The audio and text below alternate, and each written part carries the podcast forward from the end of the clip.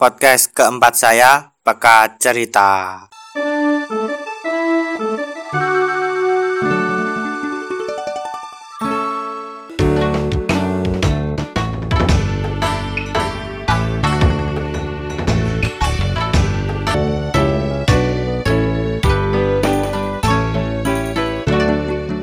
Ya, kali ini kita akan membahas tentang karir sebagai sarjana biologi. Apakah masih cerah berkarir di perusahaan atau madesu? Nah, kali ini tidak sendiri juga ditemani dua teman saya yang ada di seberang pulau dan ada yang di ujung barat. Saya sapa dulu yang di seberang pulau. Halo Gaby.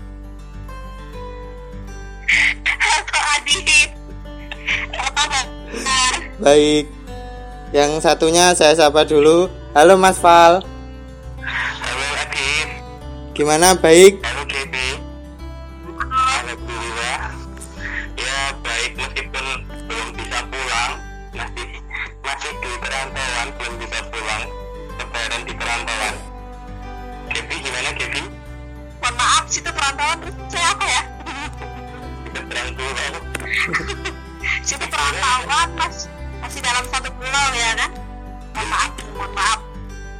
Kalian aman gak sih dari corona di tempat kerjanya? Apa WFH kalian berdua? Gaby dulu Gaby Gimana Gaby? Aku aman sih, puji Tuhan ya, karena masih zona hijau. Soalnya ya ter- udah dari PT udah nggak dilarang-larang buat ke mana-mana juga sih. Jadi kayak ya udah gitu. Jadi alhamdulillahnya ya kan masih aman. Kalau yang di Jakarta aman Val? Kalau di Jakarta udah tahu sendiri epicentrum pertama penyebaran COVID dari Jakarta dulu baru menyebar ke mana-mana. Otomatis di sini masih sangat tinggi. Jadi ya sampai sekarang sampai sekarang jumlahnya masih tinggi juga, cukup bikin was-was ya. Terus kalau WFH sendiri ya udah sekitar ah, semenjak PSBB dimulai itu sebenarnya ada kebijakan WFH tapi eh, karena kebutuhan perusahaan dan perusahaan sendiri tempatku itu masih diperbolehkan buat beroperasi meskipun PSBB ya terkadang dua kali seminggu ya ke kantor gitu. Ya, jadi teman-teman pendengar podcast, ini adalah dua teman saya yang udah berkarir. Sekaligus mumpung mumpung buat podcast saya juga belajar biar bisa segera berkarir. Mungkin saya akan banyak mengulik mereka. Ya, sekaligus biar bisa ketularan lah ya. Mungkin kita perkenalan dulu. Yang pertama itu teman perempuan saya Gaby namanya untuk lengkapnya nanti bisa perkenalan sendiri. Eh, kalau nggak salah wisuda Agustus ya Gab 2019 apa Oktober? Oktober aku oh iya. Berarti bareng Valian berarti? Oktober. Oktober 2019 mungkin bisa kenalan dulu Mbak Gaby. Iya kita satu bed kan aku sama Gaby satu iya iya kita satu batch. Keluar dari keluar dari chamber yang sama.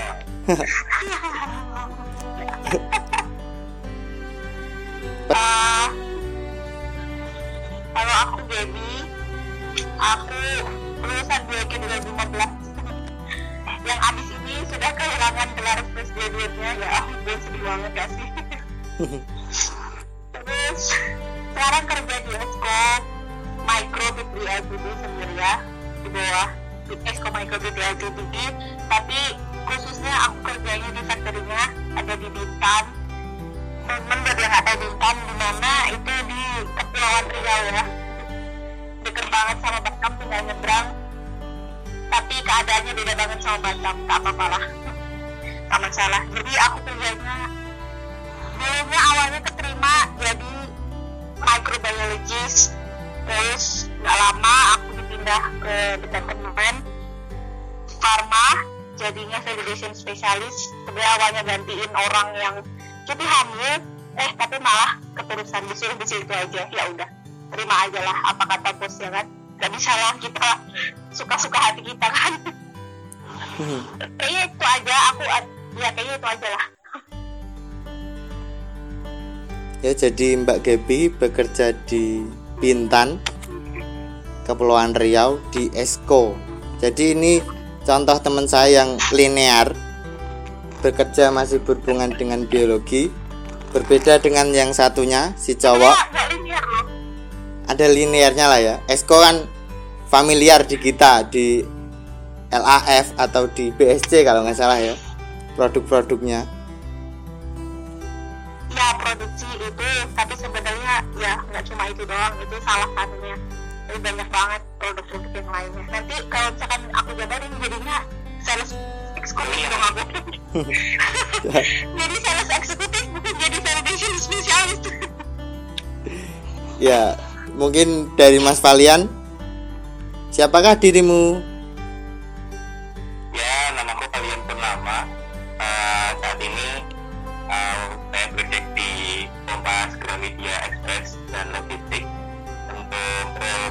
analis dan vendor management. Eh, untuk Kompas Gramedia Express dan sendiri itu salah satu anak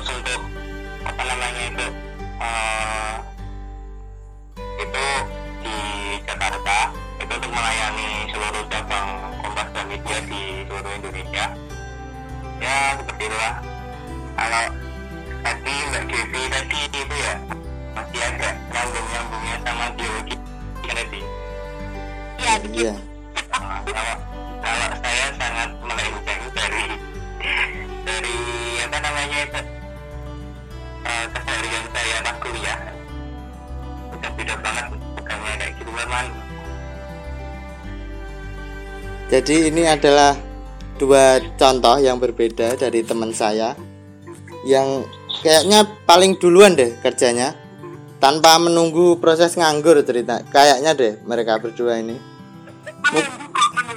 Mungkin bisa ceritakan sih dari Mbak Gaby dulu eh, proses gimana proses dari lulus langsung kerjanya itu gimana dulu nyarinya apa? Apa ada orang dalam atau gimana kok langsung bisa bekerja. Mungkin bisa diceritakan prosesnya dari Mbak Gaby dulu baru nanti Mas Valian. Ya. Nggak ada orang dalam ya. Jadi habis lulus itu sebenarnya udah dari sebelum lulus sih aku udah kayak apply apply. Job gitu di job si job script gitu. Jadi kayak ya mulai cicil-cicil bikin CV bikin surat lamaran kerja gitu. Sebenarnya kemarin itu ada juga yang via orang dalam tapi bukan di situ. Terus ternyata setelah aku diwawancara aku kurang cocok gitu kayaknya dengan kondisi di situ. Kayak aku kayak menurutku ya kalau buat aku sendiri kayak nggak berkembang aja gitu kayaknya gue di situ-situ aja gitu kan. Terus eh, abis itu setelah nggak lama aku lulus kayaknya sekitaran dua tiga minggu gitu aku tuh dapet aku nggak ngelamar di esko itu karena aku tahu aku pakai alatnya waktu skripsi kan. Jadi kayak aku mau ngelamar juga di situ gitu. Nah ternyata aku kepanggil waktu itu dapet panggilan telepon. Jadi wawancaranya tuh via telepon gitu. Oh. ditanya-tanyain lah kayak ya wawancara kerja biasa awalnya kayak update gitu loh aku kayak gimana ya? Waktu itu wawancaranya pakai bahasa Inggris gitu. Oh. jadi kayak keren. apa nih? Bahasa Inggris gitu kan. Terus dijelasin kalau kita tuh multinational company bla bla bla. Terus oh oke. Aku awalnya aku interesting gitu di di dunia Inggris Inggrisan ya karena aku juga waktu kuliah juga ikut study club di diisi gitu kan. Jadi kayak memang aku tertarik gitu dengan perbahasa Inggrisan gitu. Nah dari situ aja waktu wawancara tuh aku ngerasa kok aku kurang banget gitu loh. Kayak sendat-sendat gitu ya diajak ngobrol bahasa Inggris. Padahal ya sebenarnya udah udah praktis banget gitu kan. Terus gak lama dari wawancara itu lima hari kemudian aku dapet acceptance gitu surat penerimaan kerja gitu lah istilahnya. Dan via email gitu. Nah itu aku disuruh berangkat secepat mungkin gitu. Ditanyain kapan. Padahal saat itu tuh aku belum selesai ngurus-ngurusin buat eh, apa itu namanya yudisium Iya. sama wisuda bahkan aku belum wisuda gitu. Jadi kayak ya aku bingung aja gitu harus kapan dan juga itu kan keluar pulau ya gitu ya. Jadi kayak aku juga harus siapin eh, uang buat biaya tiketnya juga gitu kan itu dari mana juga gitu kan. Apalagi itu akhir bulan ya saat itu posisinya tuh terus jadinya aku belum bisa kalau untuk dalam waktu yang cepat gitu. Jadi aku bilang kemungkinan setelah wisuda atau sebelum tapi awal awal awal Oktober gitu. Terus mereka menghubungi saya lagi katanya kalau bisa sebelum Agustus gitu. Rasa keteteran banget sih Dit itu. Belum dapat apa pun buat ngurusin yudisium gitu kan jadi cepet-cepet lah aku urus. Sampai inilah terus sampai di sana udah. Bekerja di Eskodintan Indonesia ya kan. Dan awalnya itu tadi di tempat jadi microbiologist terus dipindahin jadi validation specialist kayak gitu sih jadi kayak siap-siapin CV aja gitu sampai sama cari-cari masuk-masukin aja ke job street ke apa pun lah kayak gitu Iya, iya. Jadi kuncinya teman-teman kalau nyari kerja jangan nunggu wisuda.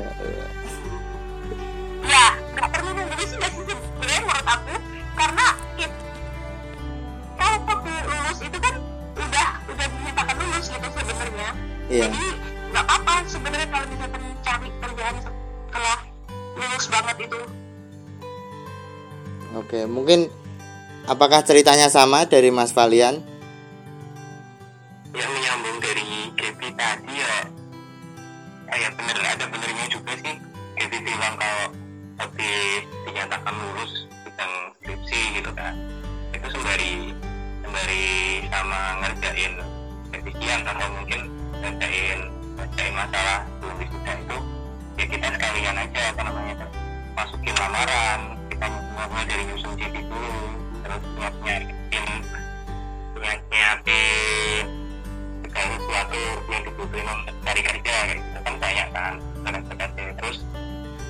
Belum pernah itu juga tes bahasa Inggris itu TOEFL TOEFL itu kan juga sering dipakai buat apa namanya buat syarat kerja kan. Nah itu bisa kita tes TOEFL dulu untuk kelengkapan lah kelengkapan syarat kita melamar kerjaan seperti itu.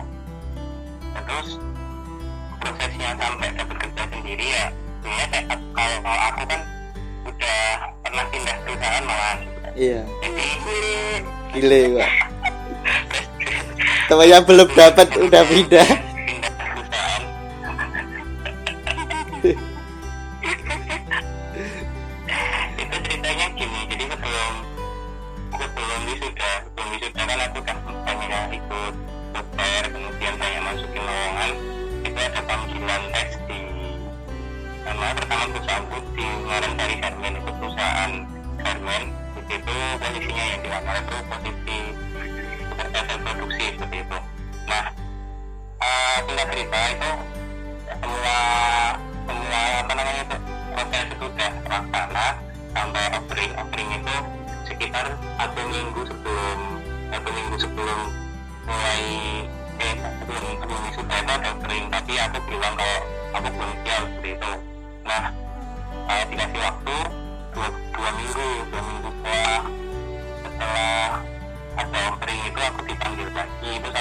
Setelah wisuda kan itu.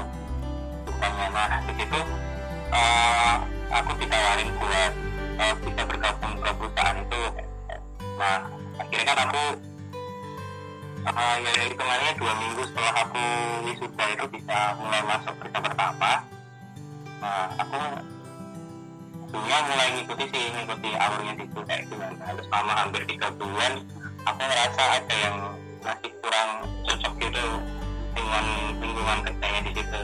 Nah akhirnya aku memutuskan untuk resign dan nyari lagi nyari lagi di Jakarta kayak gitu.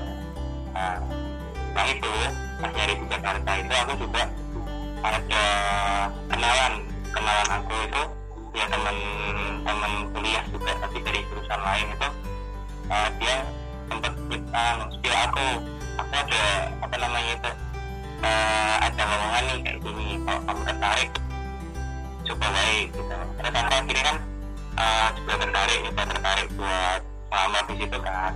Nah setelahnya uh, beberapa dua hari itu aku dipanggil sama atasannya temanku itu. Nah di situ aku wawancarai lagi terus ternyata cocok. Nah aku kedudukannya lagi itu sekitar bulan Maret aku udah mulai kerja lagi bulan baru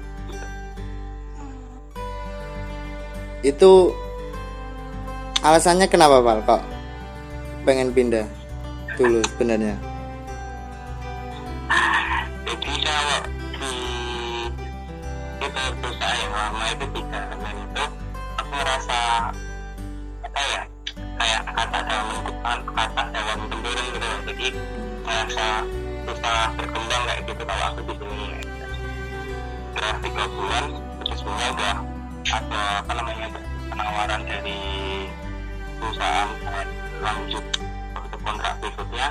Eh eh, aku sendiri nggak melanjutkan aku milih untuk hmm, resign aja gitu. Kalau ditanya alasan ya udah diterima di tempat lain kayak gitu. Jadi ya agak agak apa namanya agak kurang aja lah mungkin. Tapi ya iya. ah, itu juga pilihan juga jadi teman-teman bisa dilihat sendiri Mas Valian dan Mbak Gebi ini adalah orang yang punya growth mindset. Maksudnya mereka memilih pekerjaan bukan untuk mencari kenyamanan tapi untuk terus mengembangkan diri ya. Saya tangkap dari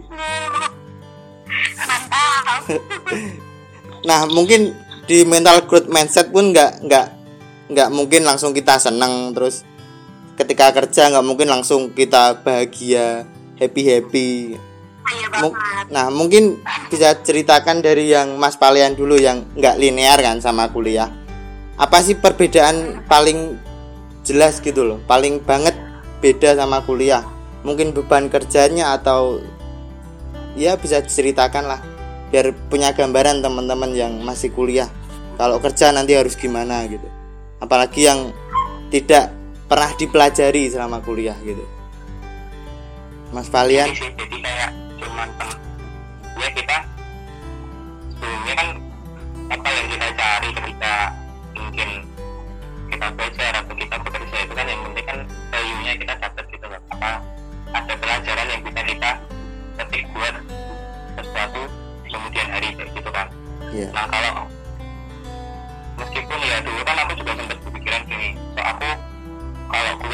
biologi aku mau ngan- lanjutin kerja di mana juga sempat bingung juga kan. Iya. Nah, uh, biasanya gini, pas mulai ngelamar-lamar pekerjaan itu kan juga kalau lowongan buat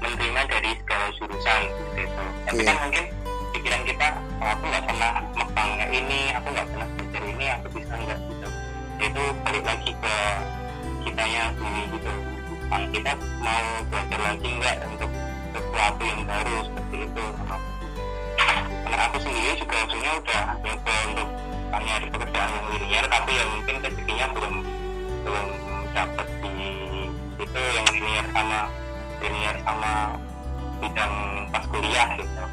Nah, aku malah dapetnya yang di uh, pekerjaan lain yang mungkin mungkin semua jurusan bisa ataupun semua jurusan bisa mempelajari lagi gitu di situ maka ya udah daripada aku buang-buang waktu ya aku ambil aja soalnya kan um, apa yang kita pelajari saat kuliah itu enggak enggak menurutku nggak selalu harus menentukan karir kita depan kayak gimana gitu tapi apa yang kita dapat pas kuliah itu itu bisa jadiin kita bekal buat apa ya kayak kita mau ngapain lah besok gitu kalau kalau ya misal kuliah ya besoknya pengen berkarir atau kerja di suatu perusahaan ya kita harus belajar lagi ke depan gitu.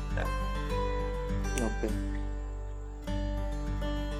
Oke, jadi itulah teman-teman dari kata Mas Valian. Jadi ternyata sulit juga mencari kerjaan yang linear dan rezekinya dia tidak linear.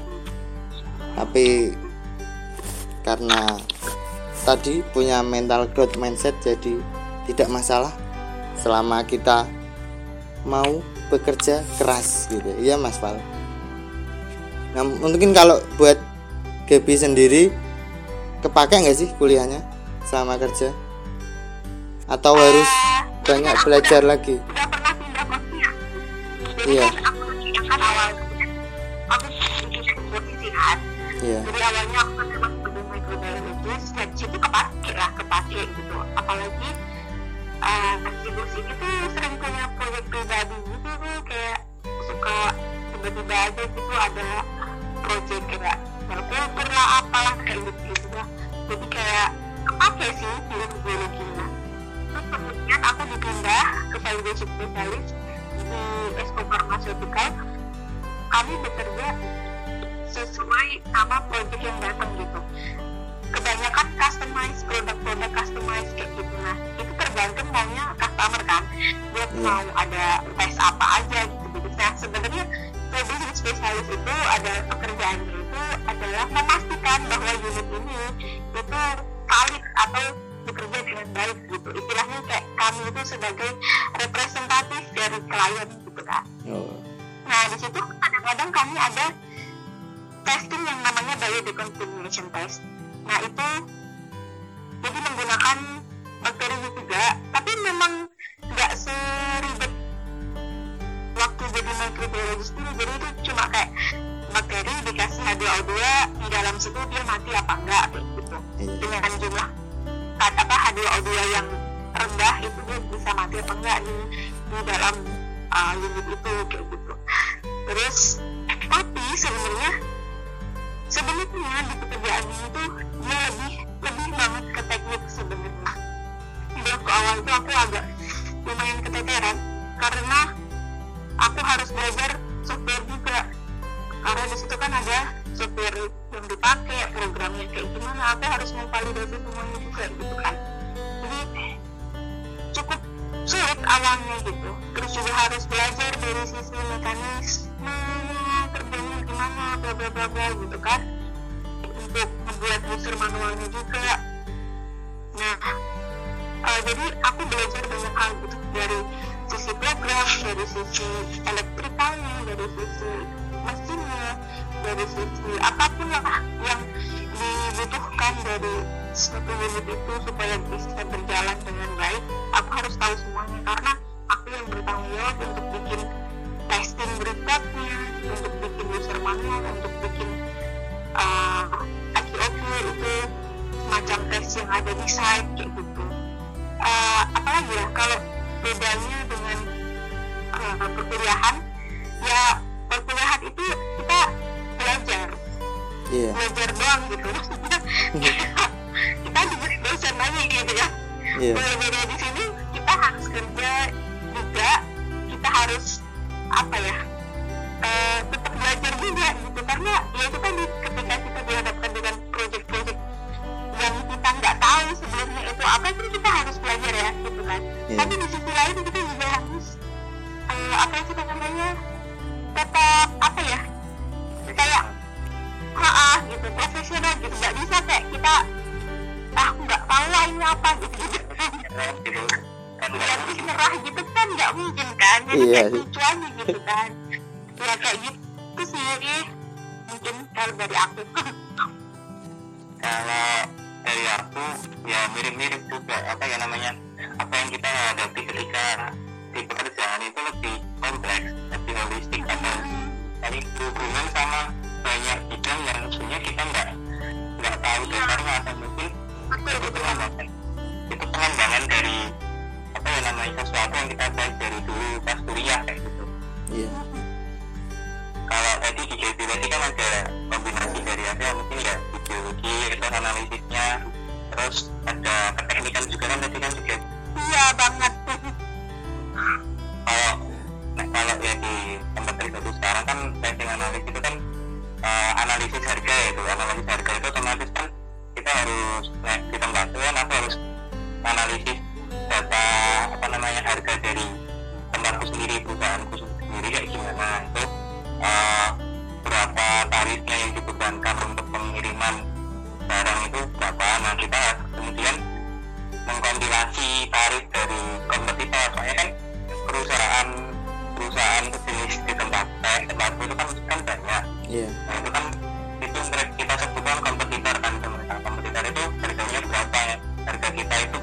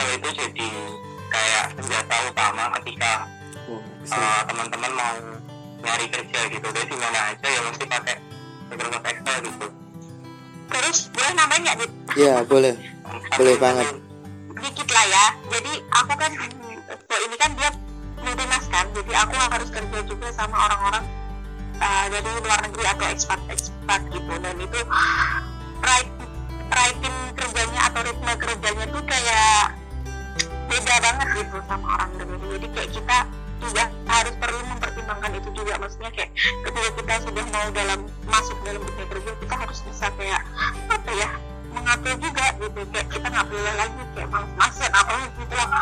Kayak gitu. Soalnya ya ini udah dunia profesional kayak gitu. Apalagi ditambah kalau misalkan mau kerja di dunia dunia yang kayak dia sekiranya multinasional gitu itu harus bisa banget menyesuaikan sama ritme kerja orang-orang di luar negeri. Apalagi orang-orang UK orang-orang US yang Oh. ya kalian tahu sendiri kan kayak gimana? Perbedaan jam kerja bahkan kadang-kadang aku tuh karena perbedaan jam kerja US itu apalagi 12 jam ya kan? Malam-malam lagi kadang-kadang tuh masih sampai malam tuh ya masih Iya. sampai malam aku harus ngirim dokumen yang mereka butuhin gitu kan? Kenapa lagi produk-produk Esko Pharma ini ya itu tuh jarang ditemukan di Indonesia ya teman-teman.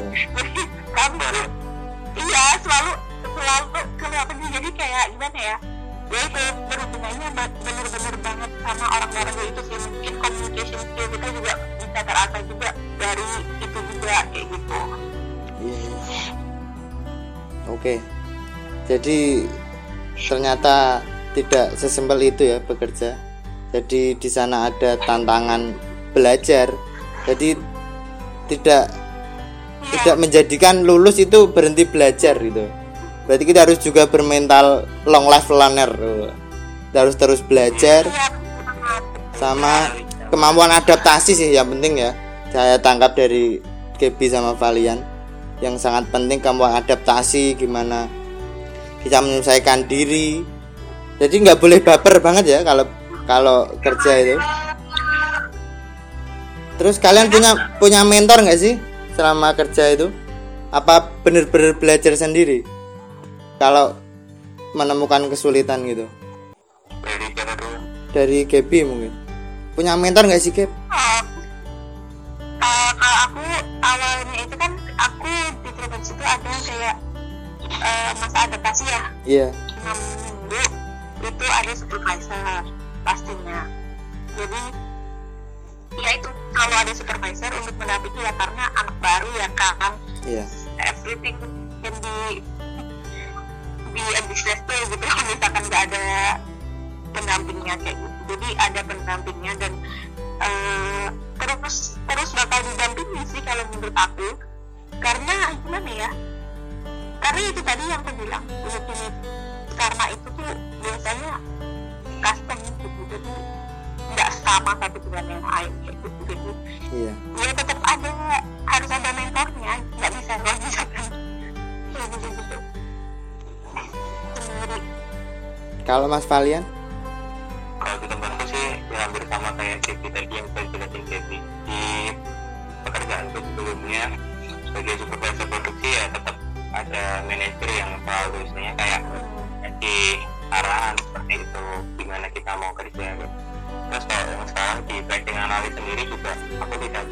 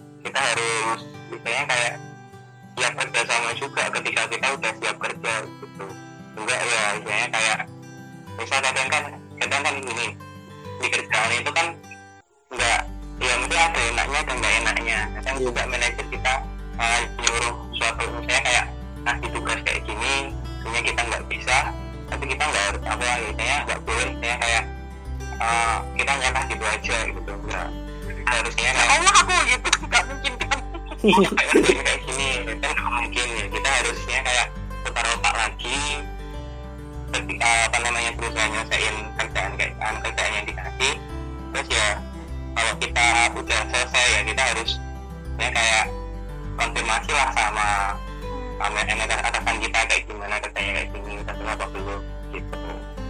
Itu sih. Berarti pernah mentok ya kalian ya ngadepin kerjaan? Ya pernah mentok nggak sih? Mentok apa nih? Mentok nggak bisa ngapa-ngapain lagi? Enggak lah ya masih teratasi lah ya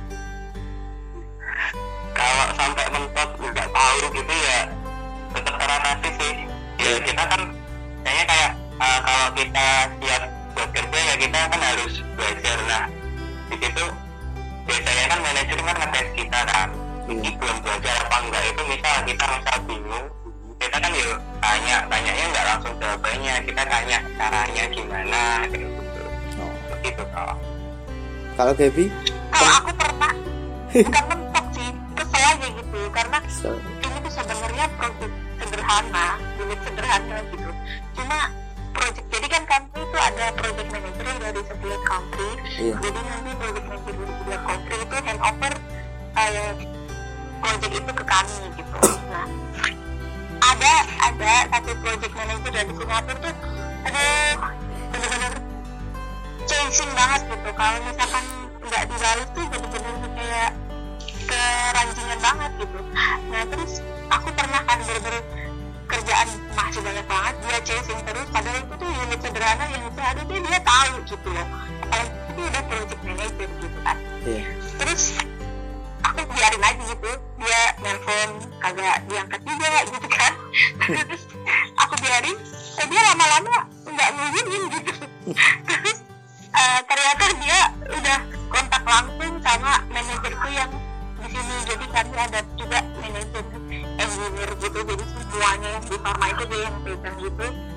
Nah terus eh, pas aku pas aku tanya ke dia oh udah teratasi kok gitu. Nggak apa-apa ini tuh sebenarnya project project sederhana dia bilang kayak gitu. Cuma ya memang orang ini aja yang Iya. yang stressful dia bilang kayak gitu. Nggak apa-apa kok kadang-kadang kayak gitu dia kayak gitu manajer aku. Jadi aku merasa didukung tapi ya sebenarnya nggak boleh juga nggak sih kayak gitu iya. Karena emang benar tidak jadi menyita waktu banget proyek itu tuh setiap saat dia selalu kayak chasing gitu loh. Padahal ada lain ada proyek lain juga kan yang harus dikerjain kayak gitu. Dan bukan proyeknya dia aja sebenarnya kan kayak gitu sih sebenarnya.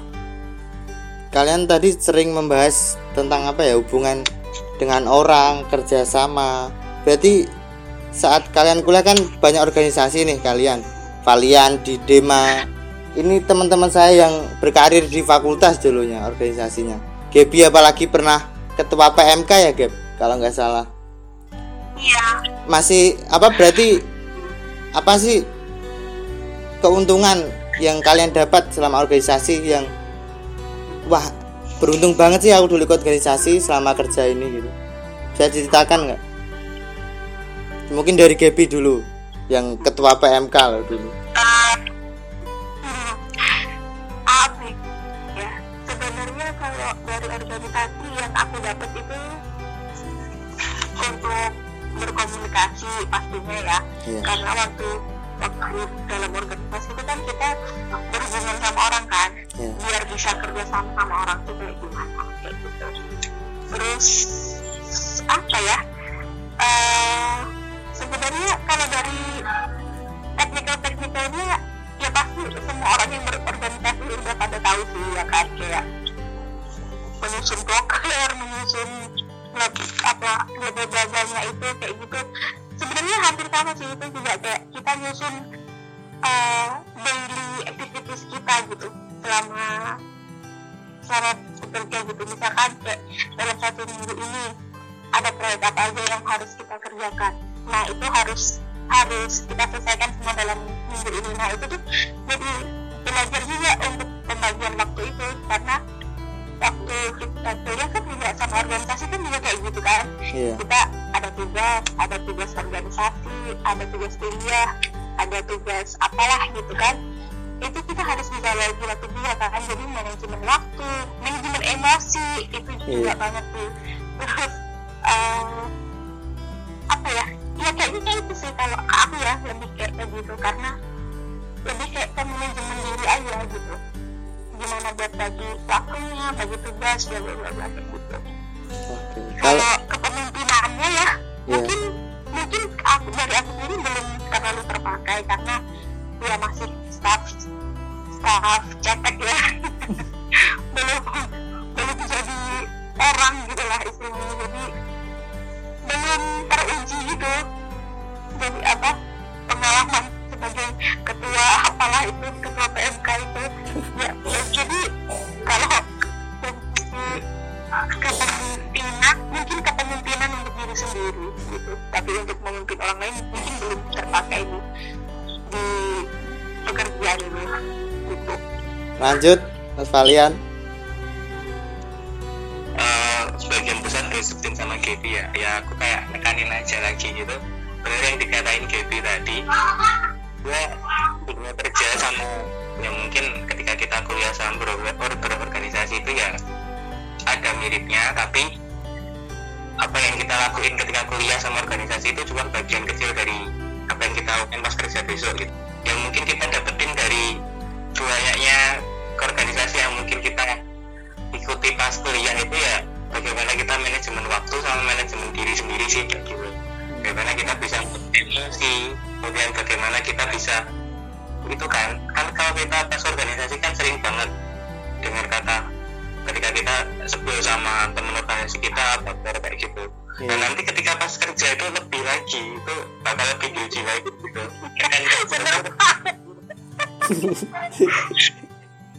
Rekan kerja itu udah kita nggak terlalu kenal juga terus kita harus berhubungan secara profesional itu kadang juga kita kan kesel kan sama mungkin dia yang minta minta sesuatu dari kita itu banyak ataupun nggak nggak tahu nggak tahu waktu atau nggak tahu diri gitu. Itu kan bisa bikin apa ya namanya istilahnya kayak kita anyel lah sama mereka gitu. Tapi kan nggak boleh berlarut-larut atau kita harus eh, menganggap itu istilahnya kayak jadi masalah pribadi nggak bisa kayak gitu kan. Nah itu juga kerja gitu kan. Dunia kerja itu istilahnya lebih lebih lebih ya kayaknya lebih ah, banyak orang yang bilang kalau dunia kerja itu lebih kejam daripada misal kuliah itu ya ada benarnya juga. Eh, ya bagaimana kita pas kita organisasi itu memposisikan diri itu bakal berguna banget lah kita pas kerja kayak gimana gitu. Kita yang nggak baperan kita ya bisa ngatur diri misal ada project sampai malam gitu kan kita udah biasa organisasi malam kita awal anu. Iya betul. Sampai malam organisasi gitu. Dan nanti besoknya lagi kita harus perform buat kerja lagi. Kayak ya kita pas organisasi kan sampai malam rapat-rapat besok paginya kuliah lagi ya. Kuliah ya. itu udah kayak pembiasaan lah ketika kita ikut banyak organisasi dan kita masih bisa kuliah tepat waktu itu benar-benar saya kayak berguna banget pas kita kerja besok kayak gimana kayak gitu. Bener sih intinya gimana seni menghadapi orang lah ya. Ya. iya manajemen diri. iya. Manajemen diri. Keren keren. Terus kalau kalau berbicara tentang kuliah ya nostalgia ya. Enaknya ketika kuliah sama enaknya kerja itu apa sih? Lebih enak. Kalau kuliah enaknya lebih ini kalau kerja lebih ini gitu. Ini dari Valian. Enaknya apa sih Val? Masing-masing itu antara enak kuliah apa enak kerja ya enak ketika masih kuliah. Kuliah kan kita nggak istilahnya kan kita eh, tanggung jawab itu cuma tanggung jawab diri sendiri kan istilahnya kayak gitu. Kan iya. Mungkin sama organisasi yang kita ikuti ya berarti kita tanggung jawab sama organisasi gitu. Hmm. kalau kita pas kerja itu kan kita tanggung jawabnya itu kan ada dua kita kerja apa tanggung jawab sama diri sendiri sama kita tanggung jawab sama orang lain juga gitu. Ke atas dan ke bawah kayak gitu. Jadi ya eh, pas pas kerja itu ya mungkin ada enaknya ya ketika eh, mungkin kita dapat apa ya kompensasi dari apa yang kita lakuin pas kerja. Tahu sendiri kan iya. tiap bulan tiap tiap bulan terima kayak gimana gitu. Ya, tapi ya ya mungkin nggak enaknya pas kerja itu mungkin nggak terlalu dirasain sih. Itu makanya eh, itu baru baru benar-benar kerasa nggak enaknya kerja itu kalau kita nggak nikmati pekerjaan gitu kayak gitu. Jadi ya mungkin ketika kita kerja itu nggak ada salahnya kita nyari kenyamanan. Maksudnya kenyamanan dalam hal yang bisa bikin kita betah di tempat kerja kayak gitu. Soalnya kan tiap hari kita tiap hari kita temuin apa yang akan kita lakuin kayak gitu. Kalau kita bisa nyaman ya semua hal yang mungkin eh, bisa jadi penghalang kita pas kerja kita bisa abaikan gitu. Tetap bisa fokus kayak gitu. Kalau Gaby gimana Gab Kalau aku sih ya sebenarnya aku lebih nyaman waktu kuliah karena hal-hal hiburan, makan, tetap ada orang tua ya. Kan. Kurang ajar emang maafkan aku bapak tua ya kan. Terus eh kalau kerja itu sebenarnya ya benar sih kata kalian tadi. Kalau misalkan kita nggak ketemu sama tempat yang bisa bikin nyaman kita bakal ngerasa kehilangan terus gitu. Kita bakal kayak tambat terus buat ya gimana gitu karena nggak nyaman gitu. Sebenarnya yang mungkin yang membuat kita nggak enakan kerjaan itu mungkin karena eh, apa kita nggak nyaman dengan kerjaan itu. Nggak nyaman dari segi dari lingkungan pertemanan lah. Atau dari beban kerja yang terlalu berat atau dari manajemen yang misalkan terlalu otoriter atau apa kayak gitu sebenarnya jadi kayak istilahnya tuh awalnya tuh bisa dibilang ya aku tuh belum siap kerja sebenarnya karena aku masih mikirin aku pengen kuliah kayak gitu. Pengen lanjut dulu lah istilahnya. Jadi ya awalnya jadi kaget karena misalkan mau kok kayak gini sih juga kaget gitu aja. Tapi jadinya ya udah gitu jalanin aja orang ini juga udah jadi pilihan aku gitu kan ya gitu sih Bu kalau aku jadi kalau aku lebih enak kuliah sebenarnya juga sama gitu oke. Nambahin lagi Dit. Iya. mungkin Gaby juga itu apa rasain sindrom pekerjaan pertama gitu. Akhirnya juga sindrom sih soalnya. Ya biasanya orang eh, orang apa ya misalnya fresh grade gitu lah. Fresh grade itu biasanya tahun pertama atau awal-awal kerja itu pasti rasanya nggak nyaman banget lah. Itu itu pasti itu dirasain gitu loh. Udah banyak ya teman-teman teman-teman pada cerita itu ah aku orang seneng aku rasa seneng gini aku gak nyaman banget gitu itu kan ya menurutku ya kayak itu suatu yang normal tapi ya nggak ada salahnya juga gitu. Kalau misal berpikiran mungkin ah aku cuma bertahan satu tahun lah di sini gitu.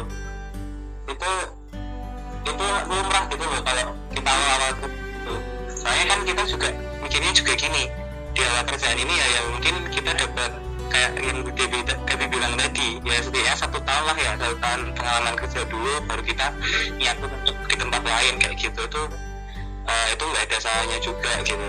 Terus eh, nyinggung soal mau kuliah lagi ya Gap ya tadi ya? Iya. Itu emang daftar kuliah lagi memang itu ya harus ada pengalaman kerja ya? Ah, sebenarnya enggak sih.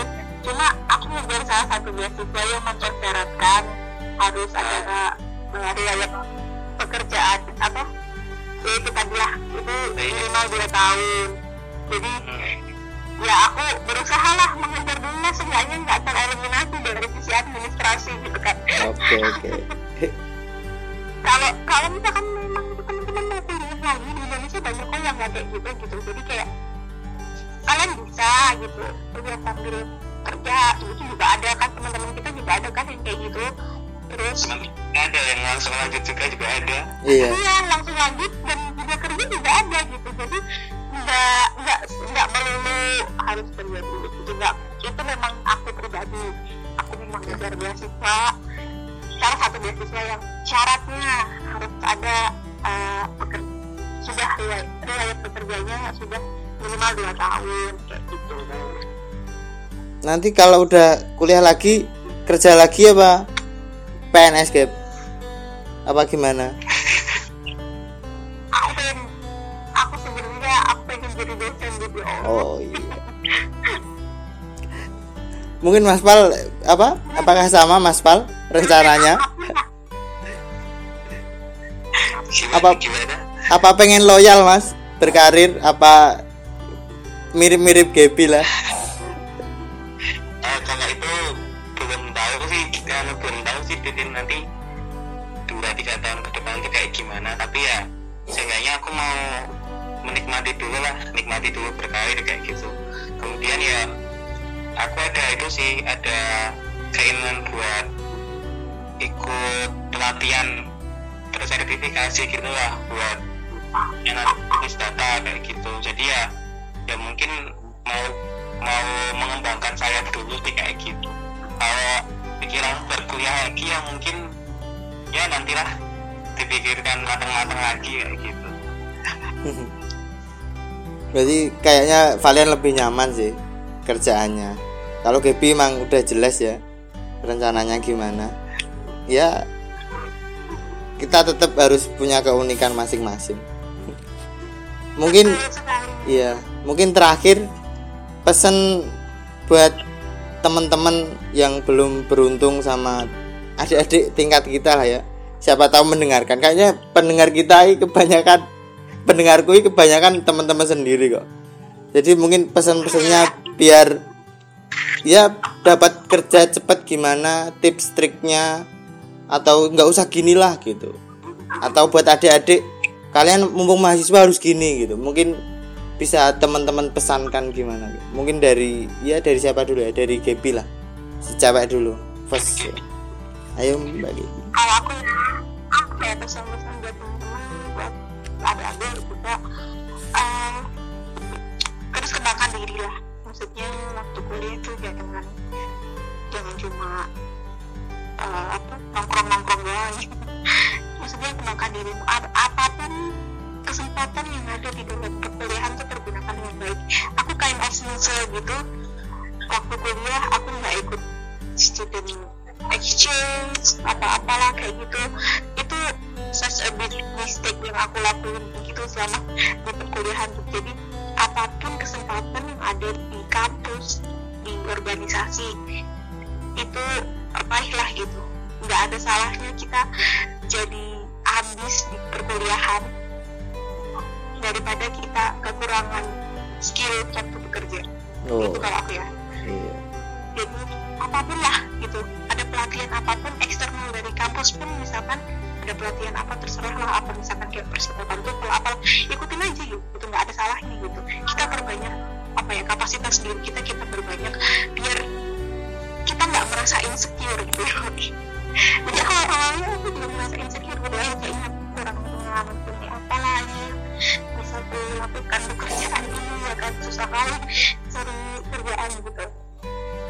Ya itu jadi mungkin selama dalam masa menunggu, menunggu ini menunggu menunggu lulus dan belum belum dapat kerjaan selama masa menunggu ini ya kita kembangkan terus potensi kita gitu. Atau kita juga bisa sambil mulai-mulai bisnis gitu apa pun lah yang bisa dilakukan supaya apa kapasitas kita itu nambah gitu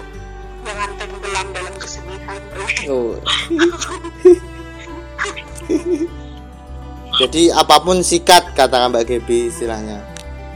Ya betul kalau Mas Valian?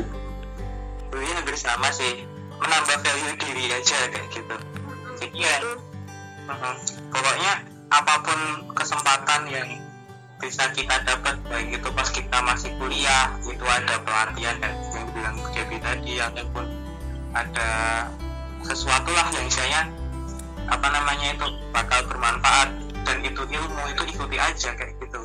Nggak harus melulu ya harus sesuai sama bidang kuliah gitu nggak harus melulu kayak gitu. Soalnya kan kita nggak tahu apa sebenarnya rezeki kita itu gimana apa rezeki kita diatur gimana kayak gitu kan. Kita harus ya kayak mengenal diri sendiri dulu kayak gitu. Oke. Oke. Itulah apa cerita-cerita yang dirasakan teman-teman saya yang sudah berkarir di perusahaan. Mungkin kayak makan gado-gado jadi yang cocok kita makan, kalau enggak ya enggak usah dimakan gitu. Terima kasih buat Gebi sama Mas Valian. Semoga rencananya ke depan bisa tercapai hari-harinya makin indah saya bisa menyusul berkarir gitu ya. Oke. Mungkin udah selesai podcast ini. Cukup sekian